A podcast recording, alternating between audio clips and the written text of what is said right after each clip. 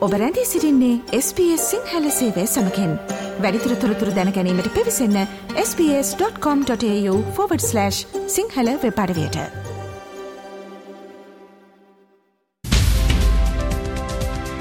මවබිමින් පුවත්. ඔස්ට්‍රේලියාවේ අද උදැස්ස නවද විට ශ්‍ර ලංකාවෙන් වාර්තාාවන ප්‍රධානතම පුවත් කිහිපය මෙන්න. අද දෙසැම්බර් මාස විසි එක්වෙනිදා ඒ දිනේ ශ්‍රී ලංකාවේ සිදුවීම් දෙස මෞබිමෙන් පුවත් විශේෂාන්ගෙන් අවධානයමු කරන්න සූදානම. පසුගේ ඉරිද දවසේ ආරම්භ වෙලා පාතාලය මද්‍රව්‍ය මර්ධනය කිරීමේ අරමුණින් විශේෂ වැඩසටහනක් තවමත් ක්‍රියාත්මක වෙනවා. යුක්තිය නමින් තමයි මේ විශේෂ මෙහෙවුම නම් කරලා තියෙන්නේ. අපි කලිනුත් සඳහන් කරා වගේ පාතාලය සහ මද්‍රව්‍ය මර්ධනය කිරීම ආරමුණු කරගෙන මේ ගෙවුණු දින කිහිපය ඇතුලේ මත්කුඩුත් එක්ක සැකකරුවන් 6500කට වැඩි පිරිසක් පොලිස් අත්අඩංගුවට ගන්න හැකියාව ලැබිලා තියෙනවා.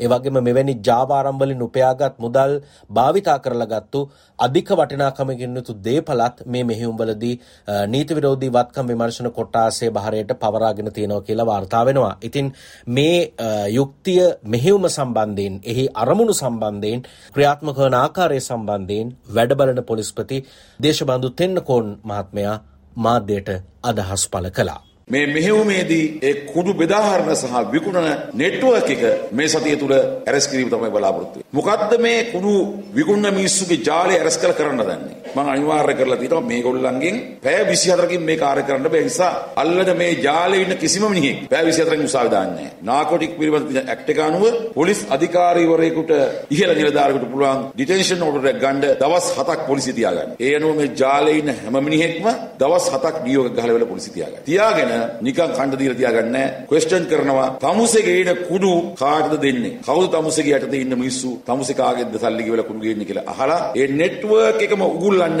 OICලට කියලා තියෙන කතාවක්. ඒක මේ සතියෙන් කරන්න බැරි වෙයි. නමුත් නත්තලට 23 වෙනිදා අවසන් කරලා 24 25 දවස් දෙක අපි පොඩි විරාමයක් ගන්නවා. ඒ වගේම 31 වෙනිදාත් විරාමයක් ගන්නවා. ආය ජනවාරි 1 වෙනිදා ඉඳලා හැම OICම තමන්ගේ වසමන කුඩු ගේන හා විකුණන මුළු නෙට්වර්ක් එකම උගුලලා විනාශ කරනකම්ම මේ කන්ටිනියු කරනවා. ඒ වගේම මේක නොකරන අය සම්බන්ධයෙන් දැඩි ක්‍රියාමාර්ගයක් අපි ගන්නවා. ශ්‍රී ලංකාවේ ආර්ථිකය කවදත් කාගෙත් අවධානයට යොමු වන මාතෘකාවක් මුදල් අමාත්‍යාංශය සඳහන් කරනවා. කැපී පෙනෙන විදිහට විදේශ විනිමය රට ඇතුළට පැමිණීමත් එක්ක රටේ විදේශ සංචිත ශක්තිමත් කරලා තියෙන බව.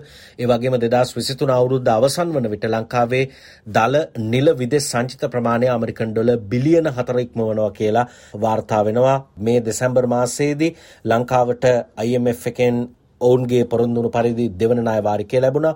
ආසියානු සංවර්ධන බැංකුවෙන් සහ ලෝක බැංකුවෙන් මූල්‍ය ප්‍රතිපාදන ලැබිලා තියෙනවා කියලා සඳහන් වුණා.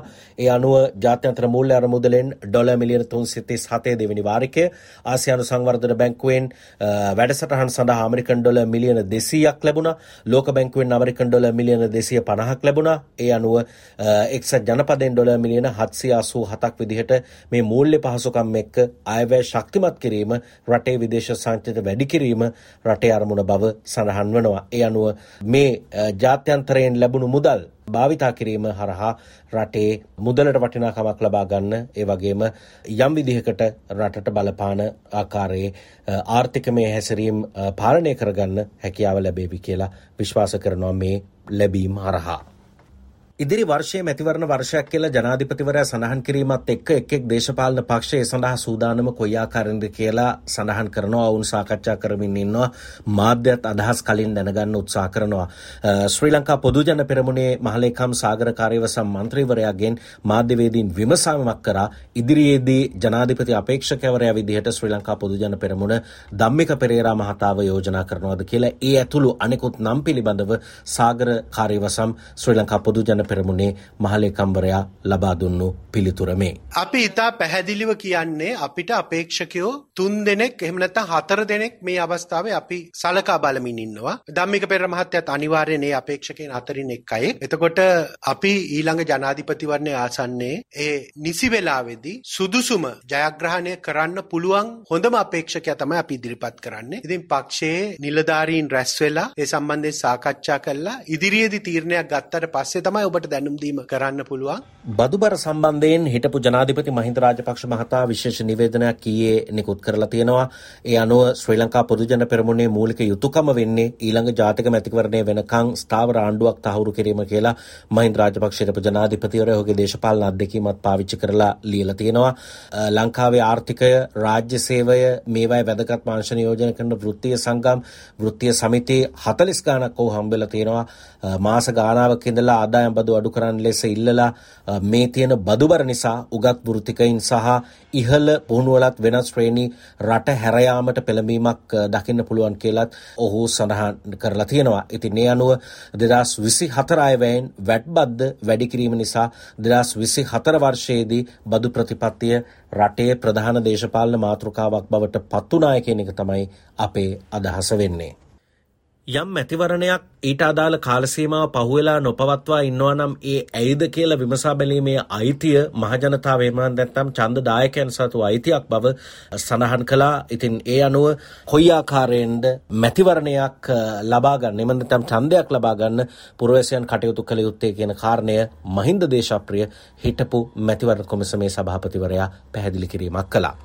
පළාත් පාලන ආයතන වලට මහජන නියෝජිතයන් තෝරා ගැනීමේ බලය හංගලා තියෙන වෙලාවේ පළාත් සභාව වලට නියෝජිතයන් තෝරා ගැනීමට තියෙන බලය අතුරුදන් කරලා තියෙන වෙලාවේ ඒ සම්බන්ධයෙන් ක්‍රියා කරන්න ඕනේ ජනතාව. තමන්ගේ වැඩ කරපු දේශපාලන පක්ෂවල පාර්ලිමේන්තු මන්ත්‍රීවරුන්ට නායකයන්ට පළාත් පාලන ආයතන තරඟ කරන අයට හිට පළාත් සභා මන්ත්‍රීවරුන්ට මේ බව දන්නන්න මේ ඡන්දේ තියන්න. අපට අපේ පාලකයෝ අවශ්‍යයි. අපේ නගර සභාව මහජන නියෝජිතයෝ නැතුව පාලනය කරන එක වැරදි කියලා. ශ්‍රේෂ්ඨාධිකරණ නඩු තීන්දුවක් තියෙනවා. ඇයි තමුන්නාන්සල මේ ගැන ක්‍රියා කරන්නේ නැත්තේ කියලා. දේශපාලන නායකයන් අහන්න ඕනේ. ඒවට ලිපි ලියන්න පුළුවන්. මේ වගේ රැස්වීම් තියන්න පුළුවන්. සාකච්ඡා කරන්න පුළුවන්. සාමකාමී ලෙස ප්‍රචණ්ඩ නොවන ක්‍රිකට් ලයින් අල්ල බෝඩ් අල්ලන්න පුළුවන්. නොයෙකුත් දේවල් කරන්න පුළුවන්. ජනතාව නිදා ගන්නා තෙක් තමන්ගේ අයිතිය වෙනුවෙන් කතා නොකරන තෙක් මේවල වෙන්නේ එමනම් යළිත් හෙට දවසේ මවබිමෙන් පුවත් විශේෂාන්ගෙන් හමුවන බලාපොරොත්තු ඇතිව සමුගන්නවා මම ශ්‍රී ලංකාවේ සිට මනෝජ් උදටියාවල. මව්බිමෙන් පුවත්. ශ්‍ර ලංකාවෙන් වාර්තාාවන ප්‍රධානතම පුවත් කිහිපය SBS සිංහල සේවෙන්.